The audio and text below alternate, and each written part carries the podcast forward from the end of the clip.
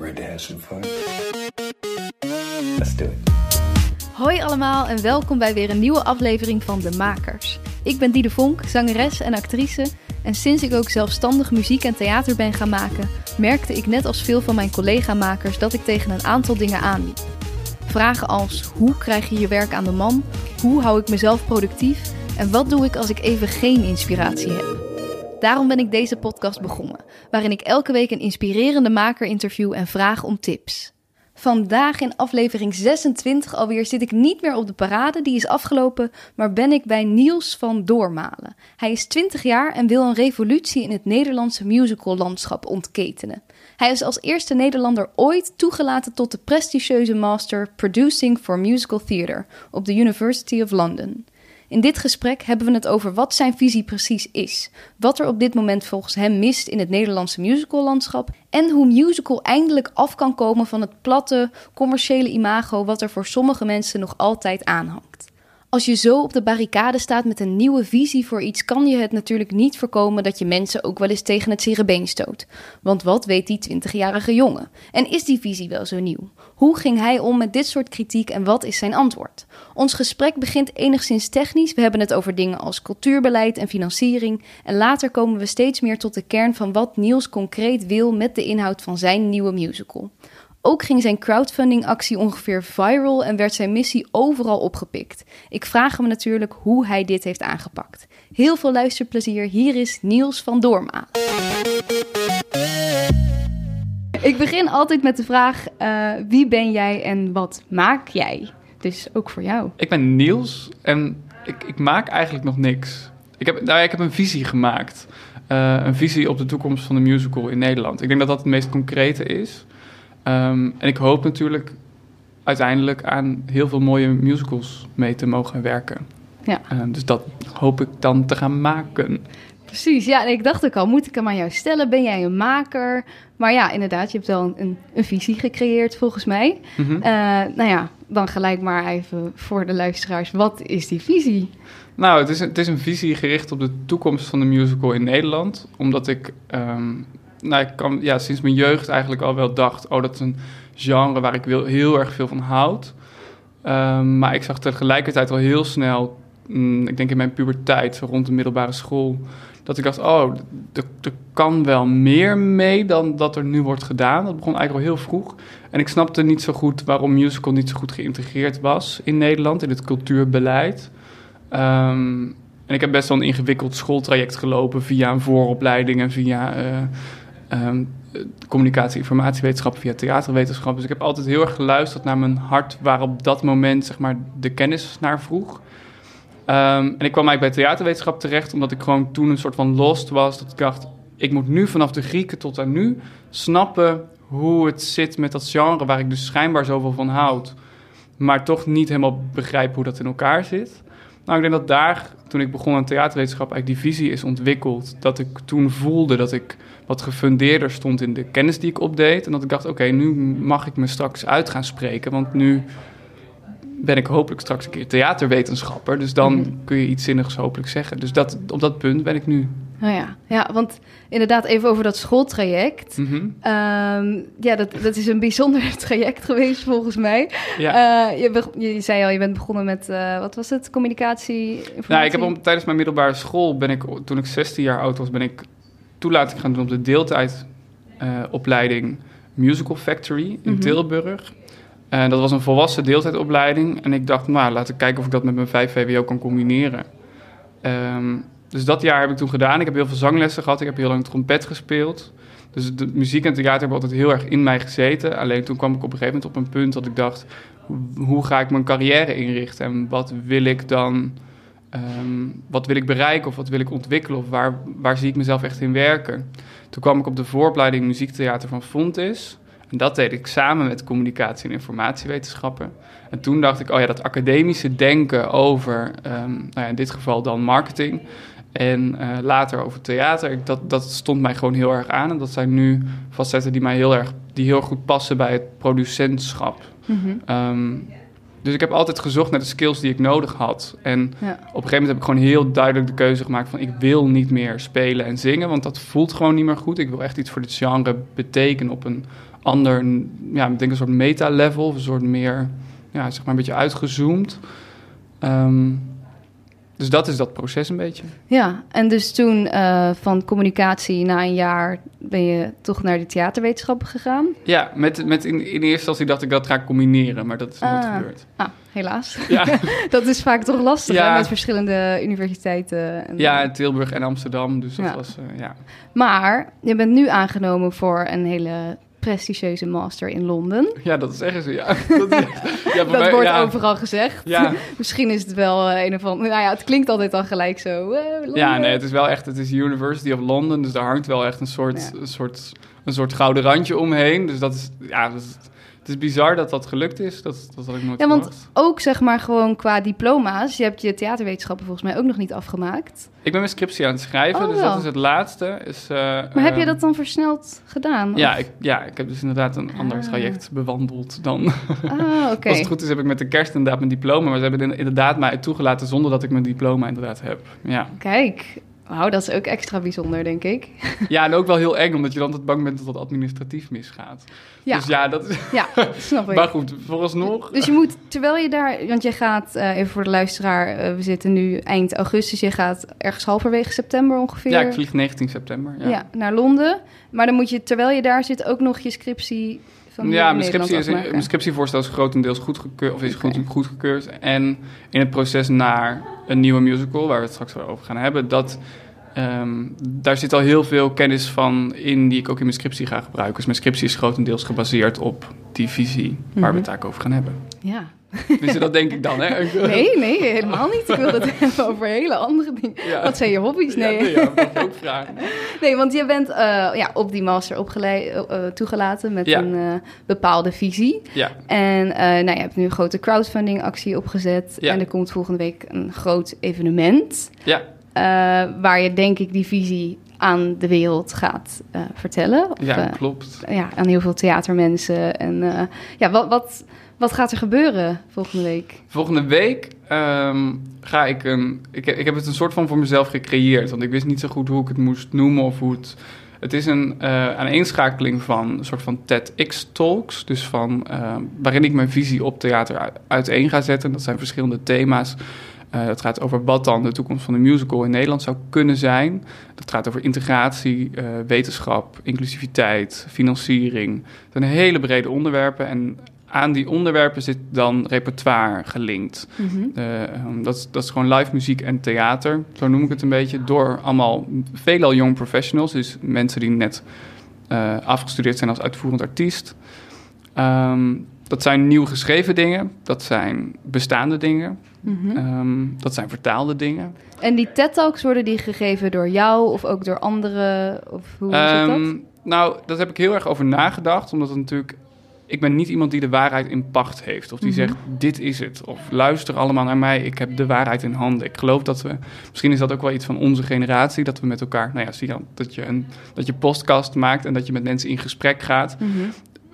Onze generatie is meer van mensen aan tafel zetten. Verbinden, samenwerken. Ja. Ehm, dus mijn idee was om inderdaad in eerste instantie zelf de TED-talks te geven. En nu vandaag in het, de try-outs in het Tapas Theater zijn daar een middel voor om nog eens kritisch naar het publiek te vragen... oké, maar denk even kritisch met me mee of dit echt een soort van gefundeerd is. Want ik sta echt open voor alle feedback en Mhm. dat soort dingen. Ehm, in de tweede helft van het programma volgende week zit een paneldiscussie. Oh ja. En die paneldiscussie is met onder andere ehm Kebel Roelofsen van de Raad voor Cultuur.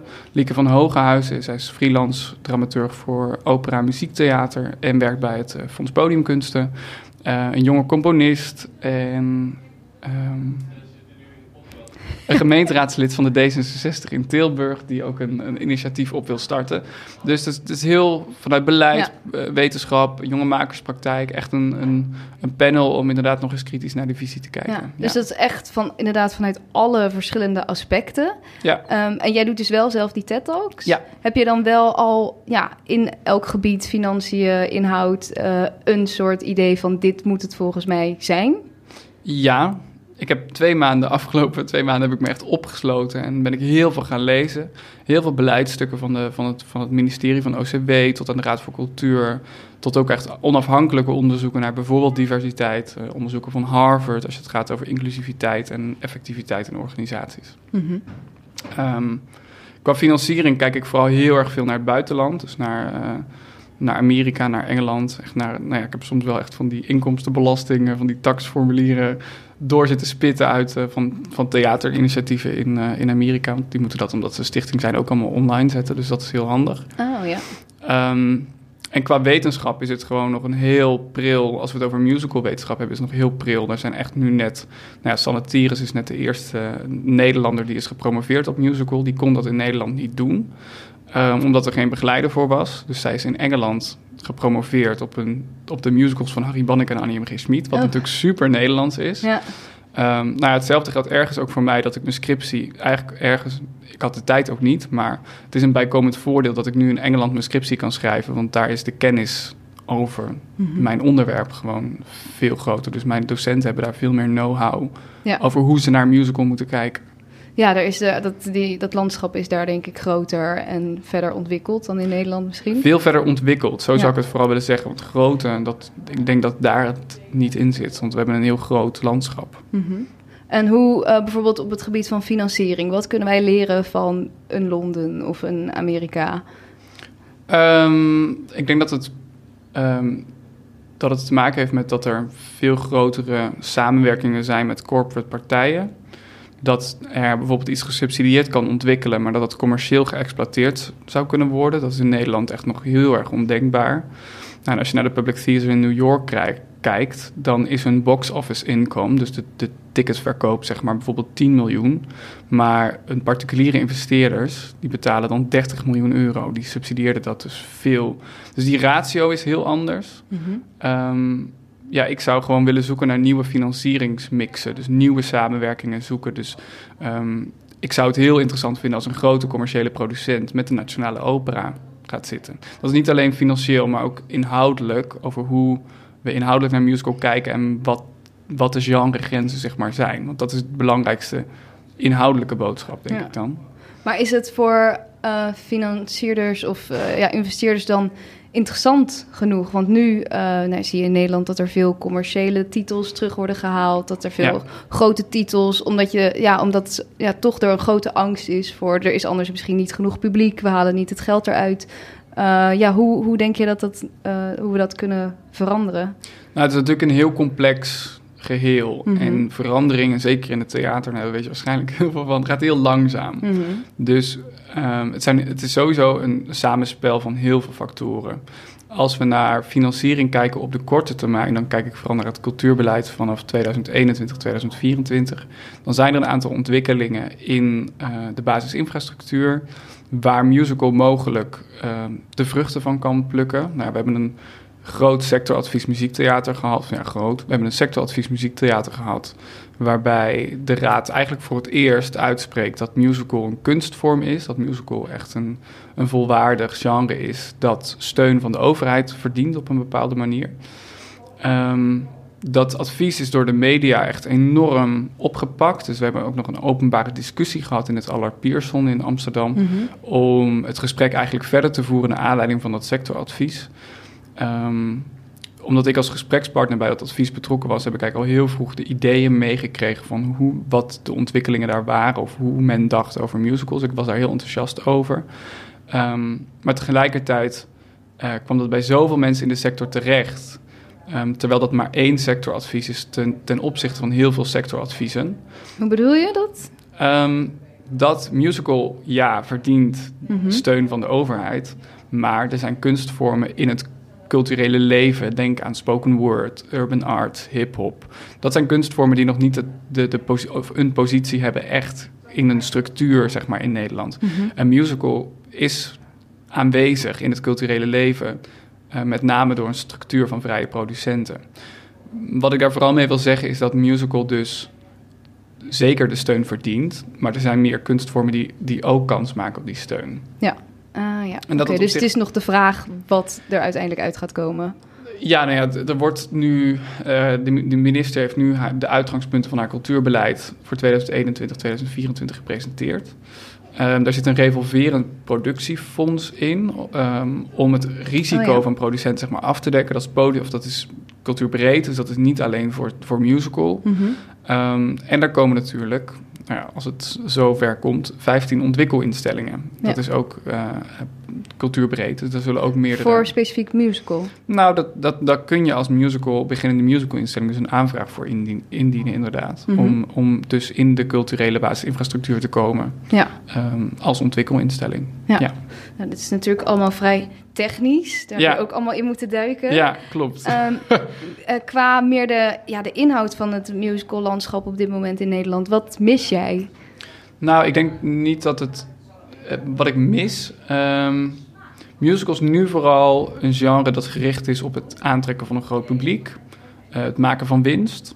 Dus vooral echt een commercieel product. Um, dus ik zou willen zoeken in musical naar crossovers tussen genres, dus tussen opera en tussen toneel. Um, en ervoor zorgen dat musical meer geïntegreerd raakt met het theaterbestel.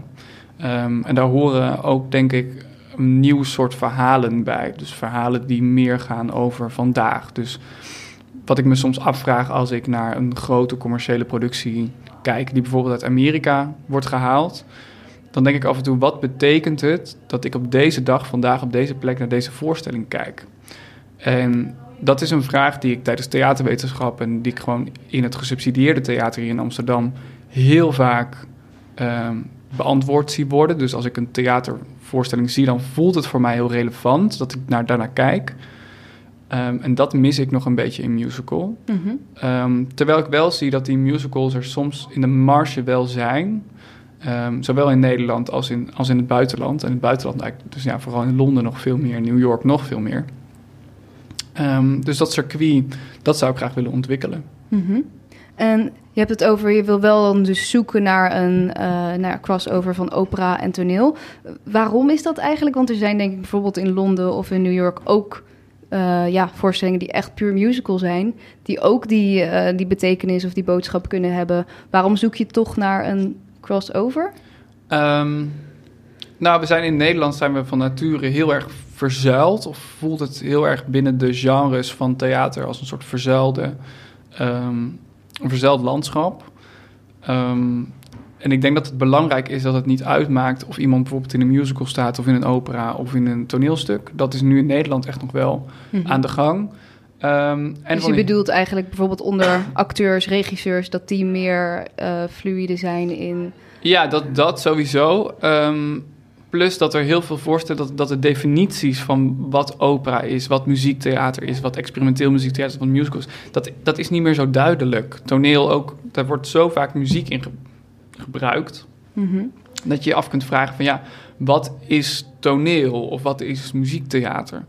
En ik zit zelf op een punt dat ik me dus afvraag of het nog heel interessant is om die discussies wel te voeren. Dat weet ik eigenlijk niet. Mm -hmm. um, maar wat ik wel voel is dat als we een soort hybriditeit kunnen aanbrengen in de manier waarop we naar ons, onze vormen van theater kijken, um, dat je dan tot veel vruchtbaardere samenwerkingen en ideeën kunt komen. Ja. Dus eigenlijk misschien juist niet meer zo die scheiding maken tussen ja. dit is musical, dit is muziektheater, maar het misschien dan ook qua beleid allemaal onder één vleugel van bijvoorbeeld theater of muziektheater. Ja, als ja nou ja, de Raad van Cultuur heeft gepleit in haar advies naar de minister toe om van opera, dat label zeg maar, dat in, binnen de basisinfrastructuur uh, zit, om daar muziektheater van te maken. Mm -hmm. Dat zou het bijvoorbeeld makkelijker maken voor instellingen die, die gesubsidieerd musical maken, om in de basisinfrastructuur te komen. En uiteindelijk heeft de minister dat afgewezen. Dus wellicht is het juridisch nog niet helemaal klaar voor om dat te doen. Maar je voelt vanuit de Raad voor Cultuur bijvoorbeeld wel een soort echt een beweging naar, dat,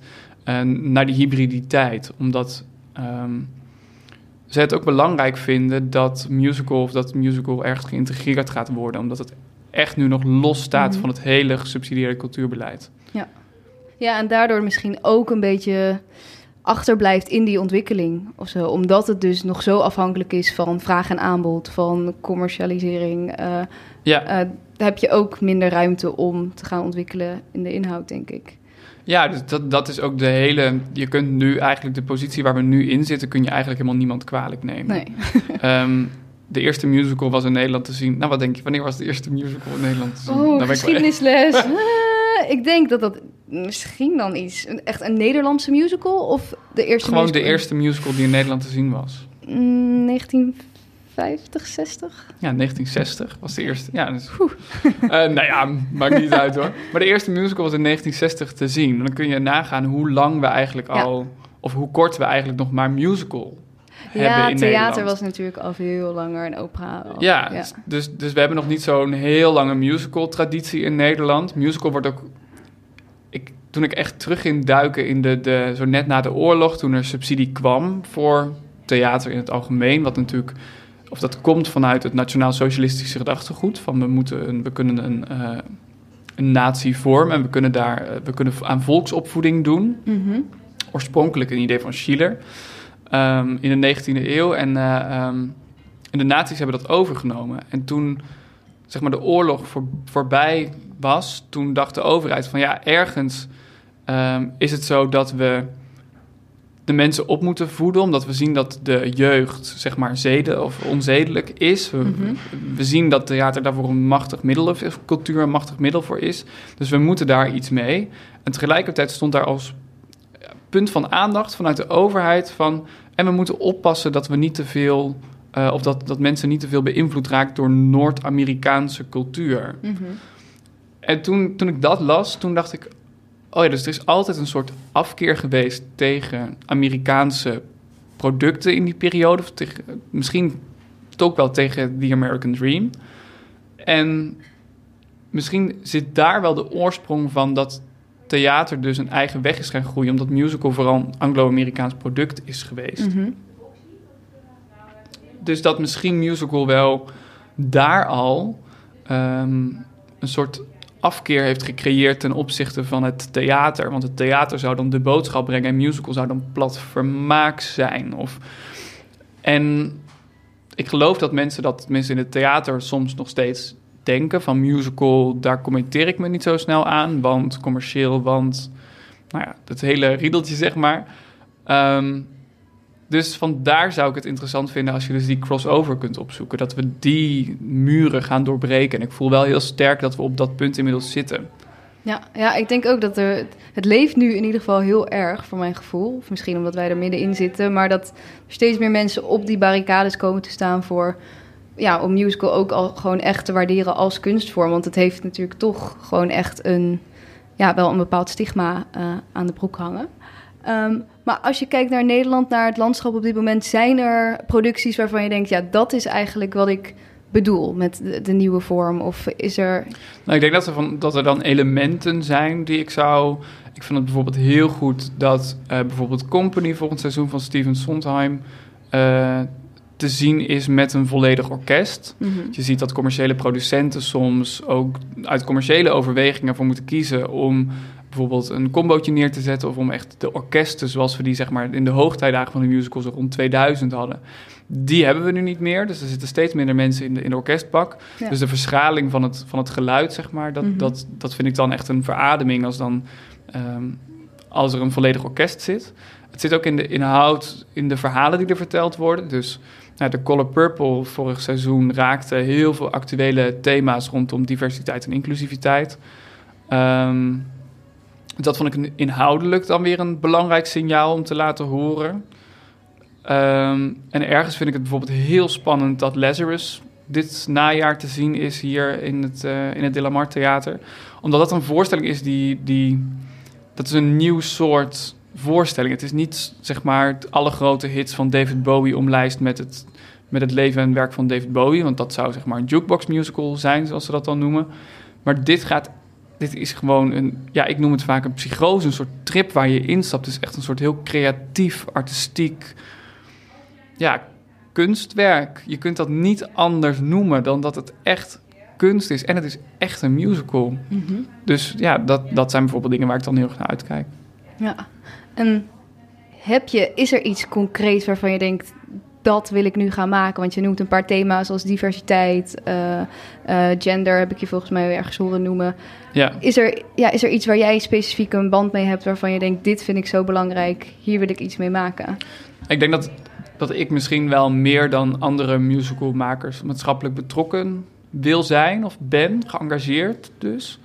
Dus ik heb inderdaad drie thema's waarvan ik zeg: Oh, dat vind ik boeiende thema's waar ik me mee bezig wil houden. En dat is één, ons postkoloniale verleden. Dat toch nog een beetje soms af en toe weggedrukt wordt. Dat in het theater wel vaak uh, nu behandeld wordt en waar kritisch over gedacht wordt. Dat discours zou ik op gang willen brengen met musical. Nou ja, gender en diversiteit. Um, dus niet alleen gender, maar ook diversiteit. En dan diversiteit niet alleen als huidskleur, maar ook um, in socio-economische status, wat, wat het betekent om op te groeien, leeftijd. Uh, diversiteit is veel breder dan wat we eigenlijk vaak denken. Um, en de technologische ontwikkelingen. Het is natuurlijk heel makkelijk om te denken van... oh ja, er is zoveel data en het maakt eigenlijk niet uit dat, uh, dat Jan en Piet uh, bij mijn data kunnen. Want als je alle data van alle Nederlanders op een hoop gooit... wat maakt mijn data-ding nou uit? Nou, als je bijvoorbeeld naar The Great Hack kijkt, documentaire op Netflix van uh, Cambridge Analytica. Nou, dat is natuurlijk een moment waar je dan ineens denkt: oh, maar dan kan onze democratie uit, ja. staat ergens op het spel als je nadenkt over, um, over dat Trump bijvoorbeeld de, de verkiezingen heeft gekocht. Mm -hmm. um, en wat heel belangrijk is, is dat mijn geëngageerdheid eigenlijk niet gaat over. Is, is geen vormingstheater. Dus ik zou niet vertellen van oh, we moeten met z'n allen geen vlees meer gaan eten en we moeten allemaal uh, niet op een populist stemmen. Um, ik zou, ik geloof meer dat theater vragen kan stellen. Dus dat je kunt zeggen van, oh, maar hoe zit het nou met dat we vlees, dat we geen vlees meer eten? Of wat voor impact heeft dat op, op ons klimaat? Of mm -hmm. um, wat gebeurt er als ik inderdaad bijvoorbeeld van, met Facebook stop? Heeft dat impact op hoe... Het, het is Hadestown, dat is een, een, musical die nu in Amerika echt helemaal uh, mm -hmm. hip en happening is. Daar zit een soort, daar zit, dat is een moderne vertelling van uh, Orpheus en Eurydice. En, uh, en Hades en Persephone. Die zitten met elkaar in vervlochten, zeg maar. En op een gegeven moment zegt Hades, ja, ik zeg altijd Hades, Hades, mm -hmm. I don't know. Zegt altijd van, of zegt in die voorstelling, why do we build the wall? Mm -hmm als vraag. Dus die stelt aan het publiek een vraag. Why do we build the wall? En Hades, man van de onderwereld, is natuurlijk iemand die zelf een muur heeft gebouwd. Die verantwoordelijk is voor het creëren van die muur. En je zegt, ik, ik heb het gezien in National Theatre in Londen. En op dat moment hoorde je gewoon zoveel mensen denken: oh, dit gaat over Trump, dit gaat over klimaatopwarming, dit gaat over zoveel maatschappelijke thema's. Over de Brexit was ja. daar natuurlijk nog een, een, een, echt een hot thema. Dus die geëngageerdheid, denk ik dat dat dus heel goed te combineren valt met musical. Als je daarover nadenkt en als je vragen durft te stellen en dus niet iets op durft te leggen, iets schreeuwerigs. Mm -hmm. Musical is heel goed, heel toegankelijk. Um, dus is wat dat betreft daartoe ook heel goed in staat om dat te doen. En denk je dat het publiek wat nu veel naar musicals gaat, daar ook in geïnteresseerd is? Want ik denk dat er ook een hoop mensen zijn. Ik hou ook heel erg van die maatschappelijk dat engagement en uh, ja, bezig met wat er in de wereld gebeurt. Maar ik denk dat er ook een hoop mensen zijn die uh, er wordt hier uh, ja, in een hoekje even gezellig gekibbeld. Dus als je dat hoort op de achtergrond. Uh, we zitten in het Tapas Theater, vandaar. maar ik denk dat er ook heel veel mensen zijn die denken... ik wil gewoon lekker naar theater om te ontspannen. En ik hoef niet de hele tijd die hele wereldproblematiek aan mijn aan mijn Maar dat is ook prima. Ik zeg ook niet dat het een het ander uitsluit. Dat denk ik. Um, er worden nu veel musicals gemaakt. Dus er zijn bijvoorbeeld als ik me niet vergis, 2017, 2018 34 musicalproducties in première gegaan in Nederland, professioneel. Um, ik zou er een geluid naast willen zetten. Um, en ik zou een publiek willen enthousiasmeren om na The Lion King een keer een, een, origineel Nederlands verhaal over een actueel thema te benaderen. Um, ik denk dat het een ontwikkeling is over de lange termijn. Ik denk dat producenten er ook bewust van worden dat dat met musical kan. Dus kijk naar bijvoorbeeld naar Lazarus of kijk naar Company dat volgend seizoen te zien is. Um, dus de ontwikkeling is ergens ook al bezig. Um, Ik wil gewoon alleen heel graag dat bewustwordingsproces echt verder op gang brengen. Men, mensen echt aanzetten tot nadenken. En ergens dus ook inspireren dat je, dat je echt wat met musical kan doen. Dat het niet zomaar een kunstvorm is die we per definitie uit het buitenland hoeven te halen. Want er zijn heel veel Nederlandse producties ook die we, die we kunnen maken. En uh, even over jou. Je bent 20 jaar, Ja. jong. ja. En ehm, ja, heb je niet ook wel eens gedacht, ehm, misschien moet ik me aansluiten bij bestaande producenten en vanuit daar iets proberen te veranderen? Eh, waarom, waarom wil je het, eh, ja, soort van in je eentje een nieuwe. ja, dat is wat vaak wat mensen denken. Dat ik het in mijn eentje wil. Ehm, Zo misschien komt ook- het over. Ja, Ja, misschien ook inderdaad omdat ik me echt heel expliciet uitspreek. Ehm, maar ik ben nog steeds heel erg open en welwillend om met producenten samen te werken. Mhm. Want ik ben, zoals je net zei, heel erg jong. Dus ik wil ook echt nog wel nadenken met vrije producenten en met gesubsidieerde producenten om in een soort junior functie mee te gaan draaien of wat dan ook. Maar ja, ja. Nee, ik, ben dus, ik sta dus heel erg open. Dat vooral wel, nog Mhm. steeds. Zeker. Oké. En hoe wordt er in jouw omgeving gereageerd op jouw passie en je drive voor dit, eh, ja, dit onderwerp? Ja, nou ja, het is, mijn vriend heeft bijvoorbeeld scenografie gestudeerd aan de, aan de AAK. En eh, ik zat dus echt al sinds, nou ja, sinds dat ik, met iets, dat ik een relatie met hem kreeg. ehm, in de ORF, met OTT'ers, met meme-studenten, met heel veel soorten studenten na te praten over wat musical betekent eh, in het landschap. En het was heel leuk omdat er op de AAK niet altijd even positief werd gesproken over musical. Ehm, maar dat was juist dus heel tof. En je zag daarin gedurende de jaren ook steeds meer mensen inderdaad aangaan of geactiveerd raken van... oh ja, nee, inderdaad wel, je hebt wel een punt. Ehm, heel veel vrienden van mij, die staan heel erg achter me. En dat zijn mensen die dus of theaterwetenschap hebben gestudeerd... of eh, die op een andere manier in het theaterlandschap werkzaam zijn.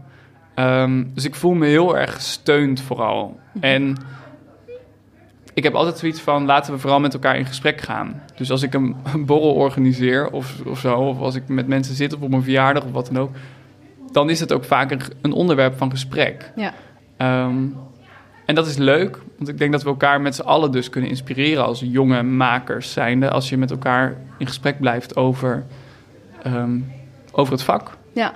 Ja, dat is het misschien ook. Omdat jij je natuurlijk nu zo erg uitspreekt, roept dat misschien ook een soort weerstand op bij mensen die denken. eh, terwijl jij ook, denk ik, gewoon open in gesprek wil gaan en niet wil doen Ja, alsof je de waarheid in pacht hebt. Nee, nou, dat, is, dat is denk ik de belangrijkste boodschap ook van een nieuwe musical. Mhm. Van ga met elkaar in gesprek, ga nadenken. Ik zeg ook heel vaak dat, dat weet ik ook, ik heb de waarheid niet. Ik kan Mhm. geen definitie geven van musical. Ik heb geen, weet ik niet hoeveel ervaring. Er zijn heel veel vrije producenten met dezelfde idealen wellicht als ik. Ehm, ik voel nu alleen dat het tijd wordt, zo precies 50 jaar na Actie Tomaat, dat ik denk, hè, laten we even met, met allemaal jonge makers ehm, het signaal verspreiden. En, dat, en de, de ontwikkelingen dus ergens ondersteunen, die er dus vanuit de vrije producenten ook zijn. Mhm. Ehm, nou ja, het belangrijkste signaal vind ik dat, dat, dat bijvoorbeeld heel veel vrije producenten volgend, volgende week ook in de zaal zitten. Dus dat ze Ja. ook echt komen luisteren. Ehm, en ik ben ook eigenlijk met een hoop vrije producenten het afgelopen half jaar wel in gesprek geweest.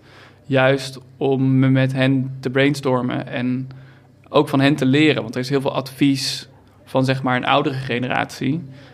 Waar wij als jonge generatie ook iets mee kunnen. En wij als jonge generatie hebben heel veel frisse ideeën. Ehm, dus ja, tuurlijk, soms roept het weerstand op. Zeker als dan een zin even niet lekker in de krant staat of zo. Of als even iets niet helemaal lekker loopt. Ehm, maar ik hoop dat, dat dat natuurlijk nooit opweegt ten opzichte van mijn enthousiasme, mijn openheid en hoe mensen mij kennen. En Ja. ja, ik wil altijd in gesprek gaan. En, want je vertelde net even voordat wij begonnen eh, dat er, je hebt volgens mij pagina groot in het parool gestaan. Ja, Eh, dat daar ook wel ja, nou ja, negatieve reacties op kwamen. Waar zat dat dan precies in? Nou, ik denk dat mensen ergens ook terecht kritisch zijn met dat ik zo jong ben en me zo expliciet uitspreek. Dus mensen voelen dat soms als van een, een, een nou ja, alsof ik krijg dan wel eens de reactie van je hebt nog niet genoeg ervaring om dat te zeggen. Nou, verschuil ik me niet zo snel achter ervaring, omdat ik geloof dat ervaring je ergens ook vast kan zetten. Dus dat je het juist soms kan helpen om een fris idee te krijgen. Ehm, dus dat zijn dan soms reacties die je dan terugkrijgt van... joh, heb je er wel echt goed over nagedacht? Ehm, en dan is mijn antwoord dus eigenlijk ja. ja. ja, je hebt je natuurlijk wel echt helemaal ondergedoeld. Maar ik kan me ook voorstellen dat ergens... Uh, je wordt opgenomen op of aangenomen op zo'n opleiding... en nou ja, dan ga je die crowdfund-actie starten. Het is ook ergens een beetje bluff natuurlijk. Je moet ook, je moet nog heel veel leren. Nou ja, wat, wat de belangrijkste legitimatie was natuurlijk... dat ik wel met die visie ben toegelaten bij de University of London. Dat mhm. was, daar is nog nooit iemand uit Nederland aangenomen. Dus dat is eigenlijk de eerste stap. Was dat voor jezelf ook een bevestiging van, oh ja, ik ben toch wel ja, op een goede weg? En... Ja, nou ja, Robert Gordon is, is iemand die onwijs veel boeken heeft geschreven. Eh, niet alleen over produceren, maar over, ehm, over de Britse musical, de ontwikkeling van de Britse musical. Ik, ik heb zijn boek in mijn kast staan. Dat, dat las ik al voordat ik, zeg maar, uh, überhaupt aan Londen dacht. Mhm. Dus dat hij zei, nou ja, je visie snijdt wel hout. En um, als je het kort op één A4'tje kunt formuleren en, en open staat met je persoonlijkheid en mensen kunt inspireren, dan gaan we een heel vet jaar maken met z'n allen. Dus dat, dat was stap 1. En toen de, beurs van de Van de Ende Foundation en de beurs van het VSB-fonds, dat waren natuurlijk ook echt wel. Um, was ook wel een belangrijke motivatie. Zeker omdat de VSB-fonds kijkt heel erg naar hoe geëngageerd je plan is en hoe je de maatschappij zeg maar verder brengt met je idee. Mm en de Van de Ende Foundation was natuurlijk ambachtelijk gezien wel een hele fijne steun. Ehm, om vanuit nou ja, toch de familie van de Ende een soort steun te krijgen. Dat, dat zij ook voor die ontwikkelingen durven te gaan. Mhm. En heb je uh, bepaalde mensen gehad die je gedurende deze weg hebben gesteund? Uh, of heb je. Ja, ja, daar ben ik eigenlijk wel benieuwd naar. Want het lijkt me ook heftig om het allemaal in je eentje te doen. Zijn er mensen die jij midden in de nacht kan bellen van... Ja, ja ik heb mijn vriend natuurlijk naast me liggen, dus die, uh, die, die, maak ik dan wel wakker. Ehm, maar ja, er zijn heel, er zijn heel veel mensen. ik, ik ben wel selectief geweest met wie ik echt inhoudelijk in gesprek ging over wat ik... Um, ja, het zijn, dat zijn producenten, dat zijn regisseurs, dat zijn dramaturgen, dat zijn decorontwerpers. Nou ja, Joris bijvoorbeeld ook uh, zeker. Uh, Terrence van der Loo is iemand waar ik echt wel heel inhoudelijk... Nou ja, wij wandelen bijvoorbeeld iedere week. Dat is oh. echt heel kneuterig. Maar dan gaan we dus door Amsterdam heen wandelen en dan discussiëren we dus. Ja. Dus dat zijn wel mijn manieren om verder na te denken... en om ook te zeggen, hè, wat een stom idee heb je nou weer verzonnen. Dus dat, dat, dat zeg maar. Ja. En jij bent dus ook, je hebt volgens mij dus één jaar uh, die marketingopleiding gedaan, maar volgens mij ben je wel vrij goed in dat hele marketingproces. Want je hebt dat natuurlijk ook wel bij verschillende musicals gedaan. Ja, uh, maar je hebt, uh, ik had het gevoel dat er zo'n punt was, begin juni of zoiets, dat het soort van even ontplofte met jij was toen overal. Ja. Hoe heb je dat aangepakt? Nou, dat is wel echt een strategie uitschrijven. Um, dus ik ben heel erg met voor de kunst om tafel gegaan. En nou ja, mijn contacten uit het theater zo, uh, zo gunstig mogelijk uh, benaderen. Het was toen vooral belangrijk dat die crowdfunding, dat was 7.500 euro. Ik dacht in eerste instantie van holy shit, dat gaat me nooit lukken. Dat wordt echt een mega klus. Um, en toen dacht ik, nou ja, laten we het dan ook maar gewoon doen. Ik wil, nu zijn we er toch. Dat is eigenlijk het laatste dat nog moet als ik zou kunnen gaan. Um, ik had ook niet verder veel achter de hand. Ik had zelf ook al best wel wat geïnvesteerd vanuit, mijn, vanuit mezelf. En het was gewoon echt ontzettend duur. Het is in totaal 33.000 euro. Ja, dus je had het wel echt nodig. Dus ik had het echt nodig. En het was echt wel zo'n beetje zo het laatste beetje. Zo van, nou ja, beetje, het is superveel geld. Maar dat, als je het ten opzichte van die 33.000 euro ziet... dan denk je, oh ja, ik heb al 26.000, ik moet nog dat laatste beetje. Dus toen dacht ik, nou oké, laat ik het dan maar doen. Maar ik heb zoveel mensen via Voor de Kunst succesvol hun project zien voltooien. Maar ik dacht, ja, een master is wat dat betreft toch wel een ander verhaal. Of iets minder concreet. En wat krijgen mensen dan terug? Nou, toen kwam al heel snel het idee van ik moet een event organiseren.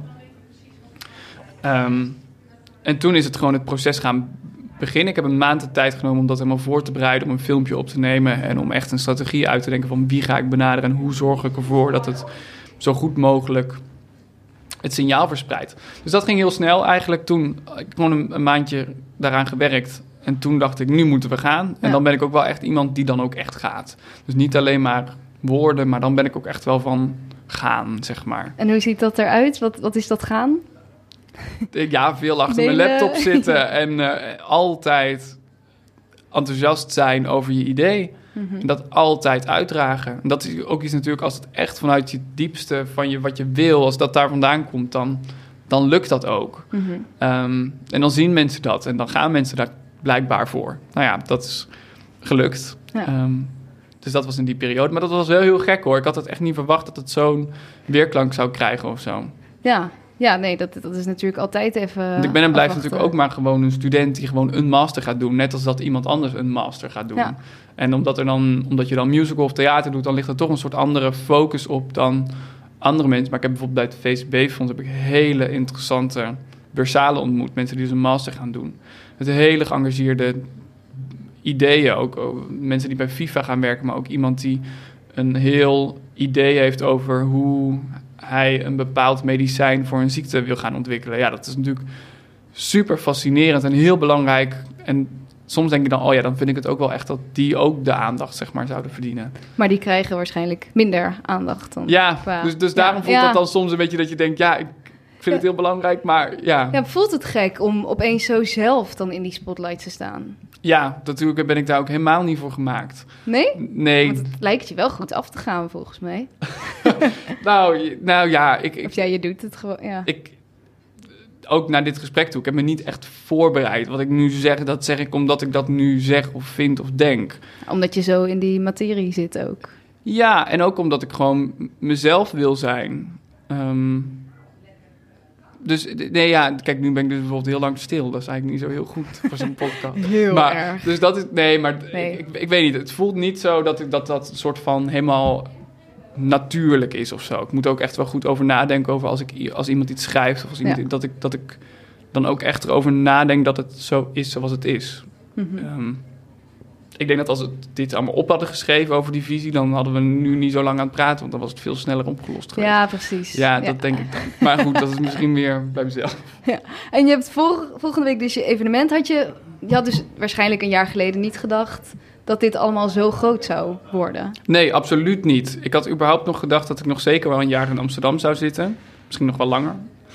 Ehm, maar eigenlijk doordat de brexit zo snel kwam, dacht ik van ik moet nu. Ik moet nu, want als het echt Ah. misgaat, dan zou het collegegeld voor driedubbeld worden. Oh my god. Dus toen dacht ik, nou ja, nu moeten we wel echt aan Ja. de bak. Dat zou dan nog, ja, nog dus drie keer zoveel zijn als nu. Ja, Ah, Ja, ja. het is nu natuurlijk al heel duur. Ja, dus, eh, precies. Dus laten we... Insane wordt het dan. Ja, Ja. zeker. Maar eh, volgende week ben, ben je er klaar voor? Leef je nog überhaupt? Ja, ik leef heel erg. Ik had gisteren even echt zo'n... Nou, het is...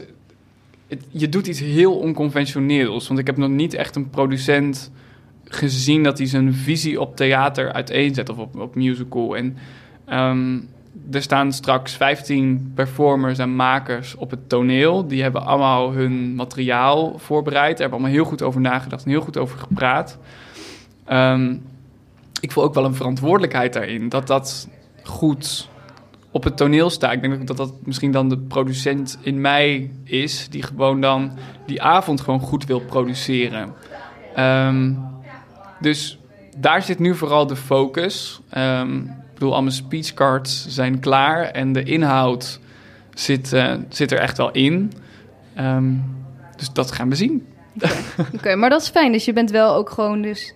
Nou ja, je hebt de tijd om bezig te zijn met de inhoud. Qua... Ja, en, en wat de inhoud... Kijk, het is ook ergens een open dialoog. Het is niet de waarheid. Ik ben niet ook een regisseur die zegt... oh, maar ik regisseer zo en zo en... Nee.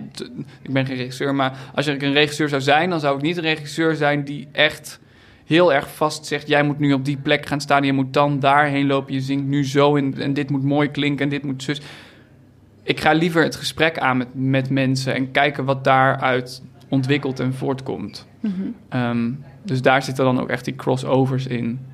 En wanneer zou jij gelukkig zijn als je zaterdagochtend wakker wordt? eh, en hoe, ja, hoe zou de ideale avond dan verlopen zijn? Oh, volgende week. Volgende week zaterdag. Oh, nou, dan moet de bus van decor terugbrengen. Nee, maar ehm, ik ben gelukkig als ik gewoon kan doen wat ik doe. Nu. Ehm, en het zou leuk zijn als dat nog heel lang mag. En in welke vorm dat is, daar heb ik nu nog niet echt een idee van. Ehm, maar ik weet wel dat ik theater wil gaan maken. eh, wil gaan produceren. Ehm, en of dat onder een producent is, of dat bij een gesubsidieerd gezelschap is, of bij een ontwikkelinstelling, of dat ik dat zelf ga doen, dat weet ik eigenlijk nog niet. Is dat niet eigenlijk heel moeilijk dat je dan nu opeens... Je hebt zoveel drive om iets te gaan maken en ergens aan te beginnen... dat je toch weer een jaar die schoolbanken in moet. Nou, ik ga, dat is het leuke aan die opleiding. Ik mag gewoon materiaal gaan maken. Top. Dus ehm, ik ga 45 minuten nieuw musical materiaal produceren samen met een componist. Ehm, en dat die ken je ook al? Of dat nee, is dat is echt, dat wordt echt matchen. Dat wordt echt, dat is van de andere masteropleiding, zeg maar. Ga je samenwerken. En ik ben dan verantwoordelijk voor het zakelijke proces en voor het produceren. En hij voor, eh, voor het artistieke gedeelte. En natuurlijk is dat een gesprek. En dat staat in september 2020 op, eh, op Covent Garden. Dus eh, dat Kijk. is echt, ja. Oh, tof. En, maar je weet wel zeker dat je dan daarna dus weer terug naar Nederland wilt komen. Ja, ik zeg heel expliciet nu dat ik vanaf 1 oktober in Nederland ben. Dat ik eh, open sta voor gesprekken en eh, dat we gaan kijken hoe en wat. Eh, omdat ik dus heel duidelijk een missie heb in Nederland. Mijn visie is gebaseerd op dat van Nederland. Ik ben iemand die heel erg veel van Nederland houdt ook. Dus ik weet niet of ik me helemaal zou kunnen aanpassen aan de Britse cultuur. Daar heb ik eigenlijk nog geen idee van. Ehm, dus ik zie mijn missie echt hier. En we hebben zo'n mooi landschap aan zoveel verschillende soorten theatervormen. Ehm, dus ik zie wat dat betreft ook wel echt een taak voor onze generatie. Om dat, dat publiek te blijven bedienen. En ook op nieuwe manieren dat publiek te gaan prikkelen. En te enthousiasmeren voor iets nieuws. Mooi. Ik, eh, ik, ik vind het hele mooie woorden. nou, dankjewel. ik, eh, nee, ik, eh, ik ja, vind het mooie enthousiasme. En het voelt inderdaad, je zegt het is misschien nog een beetje onnatuurlijk als je zo nu opeens zelf in die spotlight staat. Maar ik denk omdat je zo achter je verhaal staat en zo erg weet wat je wil en waar je het voor Ja. doet, dat je dus inderdaad dat dat toch heel natuurlijk overkomt. Maar heb je misschien inhoudelijke vraag of misschien kritiek op, op mijn inhoudelijke visie? Daar ben ik eigenlijk wel benieuwd naar. Nou, het is wel, ik had eh, gis- gisteren dus Joris gesproken. En ik Ja. doe elke keer met een doorgeefvraag. Dus Ja. de, de vorige mag dan... Is misschien een beetje verwarrend voor de luisteraar... want op dit moment is Joris dus nog niet uitgezonden... maar die heeft al wel een vraag voor Niels. En, want we hadden het er een beetje over... eh, ik denk dat de visie heel goed is en heel Mhm. mooi... maar ergens misschien nog weinig concreet of Ja. zo. Eh, want ik zie inderdaad de voorbeelden die je geeft... en, en die, die zijn mooi en van belang... maar lopen ook nog best wel uiteen. Dus Joris wil dan, ja, we hebben het er wel een beetje over gehad. Die wil dan weten, ja, wat, wat is die nieuwe musical? Wat is het dat jij gaat maken? Dus een concrete productie eigenlijk. Misschien, denk ik, Ja, bijvoorbeeld.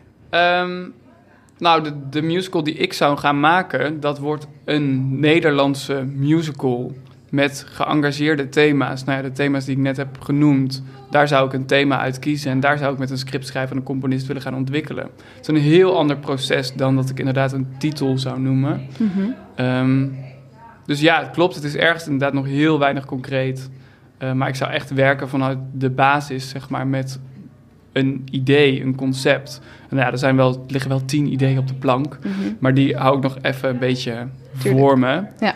Ehm, Dus je hebt wel een paar concrete ideeën waar je mee aan de slag zou kunnen vanaf volgend jaar. Ja, er zijn ook al wel concrete gesprekken gevoerd. Ehm, dus misschien is er binnenkort, of nou ja, over twee jaar iets te zien op een theaterfestival. Mhm. Dat is bijvoorbeeld iets heel concreets, waar ik wel echt heel erg voor opensta om musical naar een festival te brengen. Eh, bijvoorbeeld de parade. Dat zou me echt gek lijken om echt aan de onderkant te beginnen. Ik zou niet echt meteen een hele grote megaproductie uit de grond, eh, uit de grond stampen. Maar dat is dus een productie. Een nieuwe Nederlandse musical met geëngageerde thema's over vandaag. Mhm. En ja, waarom... Ja, daar, daar hebben we het wel een beetje over gehad, maar even nog een beetje op die inhoud dan. Mhm. Waarom ben jij degene die over die geëngageerde thema's iets kan gaan maken? Wat heb jij bijvoorbeeld eh, over het post- postkolonialisme te zeggen? Of wat, eh, ja, wat... Nou, ik denk dat mijn positie daar niet zozeer... Ik ben natuurlijk een, een, iemand... Ik ben een producent. Ik ben iemand die faciliteert en verbindt wat dat betreft. Dus ehm, ik wil gewoon heel erg gaan kijken naar waar de verhalen zitten... die makers nu bezighouden. En om daarin een structuur aan te brengen waarbinnen zij kunnen werken. Dus je faciliteert mensen echt. Mhm. Ehm, maar tegelijkertijd heb je als producent zijn een visie richting je publiek. Ehm, dus ik sta zeg maar als een soort daartussenin. Ja, Dus ik ga kijken naar, en dat doe ik al, en daar worden al gesprekken over gevoerd, naar welke makers een verhaal te vertellen hebben en hoe je die matcht aan een productiestructuur. ja. Ehm, dus dan ben ik niet degene die direct dat geëngageerde verhaal over postkolonialisme vertelt. Ik faciliteer het. Mhm. Ja, ja, jij geeft die mensen een podium om Ja. dat te kunnen doen. Ja, Ja, nee, ik denk dat dat wel helder is. Inderdaad, dat is ook de rol van de producent. Eh, ja, ik geloof niet in een producent die zegt... we gaan nu deze en deze producties doen... en je moet het zo en zo en zo doen. mhm. Eh, want ik ben de producent. Ja, Of eh, dat je tegen een regisseur zegt... en dat gebeurt af en toe wel... ja, maar ik ben de producent. dus zo moet Dus het gebeurt zo. Ja. En ik geloof dat daar echt wel een open gesprek in mogelijk is. En dat je af en toe inderdaad als producent gewoon met de kaders moet werken die je hebt. Ja. Maar bij mij is een regisseur artistiek eindverantwoordelijk en niet een producent. Dus ik zie een creative producer ook meer als een dramateur. Mhm. Nou ja, theaterwetenschap gestudeerd, dus Ja. die linkjes zijn dan heel direct, heel snel. Ja, dus eigenlijk, maar dat is het misschien ook, dat het nog alle kanten op kan. eh, in de zin van, het hangt dus ook nog heel erg af van met welke regisseurs je dan gaat werken. Of met welke mensen. Dus het, het kan misschien ook nog een beetje alle kanten op. Die visie is er wel, maar ja, de invulling daarvan. Ja, dat is zeker waar. Daarom, daarom kan ik natuurlijk ook niet nu... Daarom geef ik 30 augustus een seminar... Ja, En geen productie. Want Ja. dan had ik het signaal uit kunnen dragen met een concrete theatervoorstelling. En dat doe ik expliciet niet. Ik laat heel veel verschillende fragmenten zien en, en, en dingen waar het aan zou kunnen raken. Daar zit ook bestaand materiaal bij. Om te laten zien welke elementen ik interessant vind. Nou, ik krijg heel veel vragen waarom het dan overal hashtag 1 staat. Hashtag 1 nieuwe musical. Mhm. Dat is eigenlijk een metafoor voor de toekomst van de musical in Nederland. En dan ja, hopelijk kunnen we van die hashtag 1 volgend jaar hashtag 2 maken. Dat als ik terug ben, dat ik dan dus mijn visie verder ontwikkeld heb. Dat het concreter is en dat ik dan dus aan kan kondigen wellicht welke productie er komt. Ehm, dus dat is inderdaad nog heel erg open. En misschien dus ook nog soms een beetje niet concreet. Zijn er nog andere dingen die je er nog over kwijt wil of die ik nog had moeten vragen aan je? Nee, ja, wat, wat, het belangrijkste wat ik, wat ik zou willen zeggen tegen de makers dan... Mhm. is dat ze eigenlijk dat iedereen na gaat denken en geïnspireerd mag raken door de hybriditeit van de genres. Dus dat, een, dat je niet laat leiden door een vooroordeel of door een gedachte van, oh ja, maar dit is musical, dus ik committeer me daar niet aan. Maar dat je verder kijkt naar de inhoud en vanuit daar na gaat denken over, of een oordeel velt over wat je van een voorstelling vindt of hoe je je als maker daarin positioneert. In plaats van te kijken naar dit is musical en dat vind ik wel of niet leuk. Ja, want dat, dat heeft, daar heeft het niet, niks mee te maken. Musical is een integratie van disciplines. En bepaalt dus geen inhoud. Een inhoudelijke boodschap, zelfs als, als, als meme. Je kunt heel geëngageerd meme maken, maar je kunt ook heel niet geëngageerd meme maken. Dus een musical is niet per definitie bijvoorbeeld niet geëngageerd. Ja. Ehm, tuurlijk worden soms vooroordelen over musical bevestigd door grote producties, door marketingmachines, door awards, door whatever. Ehm, maar ik geloof dat we, daar, dat we daar nu wel overheen zijn. Dat we daar doorheen kunnen kijken. En ik, ik wil dus de makers daarin oproepen om daarover na te denken. Ja, om ook die, Ja, die, eh, ja, die crossover te durven maken. ja en, en weet je, als, als iemand zegt van ja, ik zie dat niet zitten, dan snap ik dat ook. Maar het gaat meer over het nadenken nu we zo precies op zo'n kantelpunt staan. Mhm. Dat mensen kritisch na durven denken. Dus bijvoorbeeld ehm, begin september, volgens mij 5 september, is er in de Bali een eh, discussie over actie tomaat. Mhm.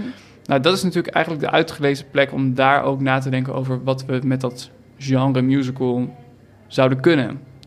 Nou, dat is toevallig ook een onderwerp van gesprek wellicht. Dus ehm, ja, dat, is natuurlijk een, dat, dat zijn interessante dingen om over na te denken.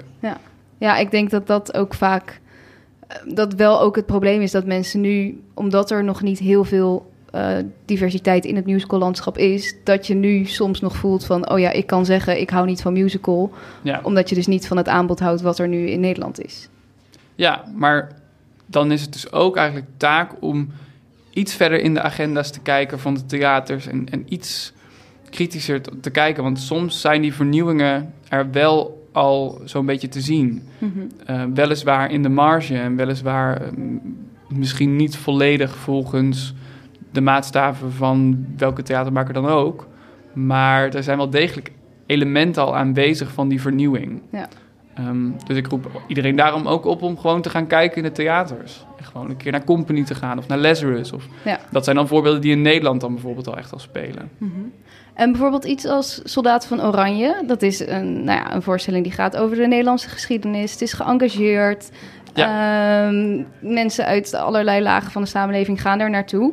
Ehm, zou dat, of ja, waarom voldoet dat voor jou nog niet aan die nieuwe musical? Of doet dat dat wel? Dat voldoet zeker aan, aan een visie die raakvlakken heeft met wat, wat ik vind. Ik vind Soldaat van Oranje echt fantastisch goed gedaan, omdat het echt totaal theater is. Ehm, het heeft een hele nieuwe visie gegeven op hoe theater eruit kan zien. Vooral ook de crossovers in dat, dat de Boermans het regisseert. Dat is natuurlijk heel, belang, heel ja, wel belangrijk geweest voor het genre. Dat er zoveel verschillende soorten acteurs en actrices met zoveel verschillende achtergronden in staan. Um, Soldaten van Oranje vind ik wat dat betreft echt een heel goed voorbeeld om daarover uh, over na te denken, zeker. Oké, en heb jij tot slot nog een, een tip voor makers als het gaat om volgen van jouw passie of van jouw doel? Of, eh, want ik denk dat je daar heel sterk en ja, goed mee bezig bent. Ja, op social media kun je me natuurlijk gewoon, uh, gewoon volgen. Mhm. Dus uh, daar ga ik... Ja, soms de afgelopen maanden hebben volgens me af en toe dat, dat het natuurlijk heel veel was. Maar vanaf september wordt het natuurlijk minder, omdat het gewoon heel druk wordt in Londen. Mhm. Ga je um, mensen een beetje op de hoogte houden? Tuurlijk. Ja, zeker. Ja, zeker. En heb je nog tips voor als mensen ook niet, misschien niet per se willen doen wat jij doet, maar ja, of, ja, als ze ook dus denken: ik heb een idee, maar ja, hoe, hoe, waar heb jij het vertrouwen vandaan gehaald om je hart te volgen? Ja, geloof in jezelf en het open gesprek aangaan. Mhm. En willen leren van mensen nog steeds. Want ik, ik, weet nog niet alles en ik moet nog heel veel leren. Dus dat openstaan naar, um, ja, eigenlijk naar iedereen het gesprek aangaan en niet naast je schoenen gaan lopen. Was dat moeilijk voor jou? nou ja, ik, misschien ben ik wel naast mijn schoenen aan het lopen. Daar heb ik eigenlijk, eh, daar weet, ja, mensen zeggen van niet, gelukkig. Zo komt het niet over op mij, ehm, maar... Maar ik vind dat wel altijd iets om een bewust, bewust van te zijn. Dus ik ben me wel altijd bewust van dat ik denk... oh ja, ik, ik, ik moet ervoor zorgen dat ik dat niet doe. En ik denk als dat bewustwording er is, dat dat, dat gewoon ja, dat dat gewoon zo moet. Ik ben bijvoorbeeld niet te beroerd om nog steeds de wc's te poetsen of zo. Weet je wel, dat... Ja. Als je dat blijft houden, dan mhm. geloof ik dat je dat niet gaat doen. Het is misschien ook best wel Nederlands. Misschien in Londen wordt dat er juist wel weer uitgeramd. Dat je wat meer ja, maar wat dat soort dingen, Ja, maar dat soort dingen, dat ik niet dat je dat bij mij eruit krijgt. Nee. Um, dat is inderdaad heel Nederlands van mij. nee, ik vind dat ook mooi hoor, om uh, bescheidenheid. En, uh, maar ja, dat is wel ook. Ja, je mag soms ook gewoon trots zijn op wat je maakt en waar je voor staat. Ja. Toch? Ja, maar dat, dat ben ik dan ook wel hoor. Ja. Goed zo. Gelukkig. Uh, nou, oh ja, jij mag dus ook nog een vraag stellen aan een volgende maker. daarover val ik je nu misschien een beetje mee. Dus je mag er ook nog even over nadenken als je nee, het even nou, niet ja. weet. Maar uh, de volgende is uh, Femke Hermans. Zij uh, heeft een, een, voorstelling die heet Back to Nature. Het mhm. gaat heel erg over de, ja, dat we nu vaak in onze maatschappij en met onze leeftijd een beetje de connectie met natuur kwijt zijn. Mm En dat je, nou ja, gewoon gehaast leeft, veel social media, dat soort dingen. Maar dat we eigenlijk, nou ja, die, die connectie met de natuur. een theatermaker. Ja, muziektheater. Nou, ik ben wel benieuwd wat voor hoe, zij de theaterbeleving van de toekomst dan ziet. Dus hoe mensen theater ervaren. Of dat in het rode plusje is, zeg maar gewoon echt in een stoel en in een lijst. Of dat zij nieuwe manieren van theaterbeleving voor zich ziet. En hoe is dat bij jou? Ja, ik zou het liefst al die stoelen uit de zaal trekken en helemaal nieuwe. Ja, dat is natuurlijk soms heel ingewikkeld, maar ik, ik zoek wel echt naar een nieuwe, misschien meer immersieve beleving van theater. Um, ik, ben hier, ik, ik hou heel erg van openluchttheater. Ik hou heel erg van festivals, in tentjes, in keldertjes, in mhm. gewoon nieuwe manieren van theater beleven. Ja. ja. En is het niet soms ook juist lekker om gewoon wel die rode plusjes Tuurlijk, maar ik zeg ook niet dat het een het ander uitsluit. Het lijkt mij gewoon interessant om daar meer naartoe te gaan. Dat mensen echt voor een beleving komen. Dat is dan misschien ook wel een beetje weer commercieel gedacht.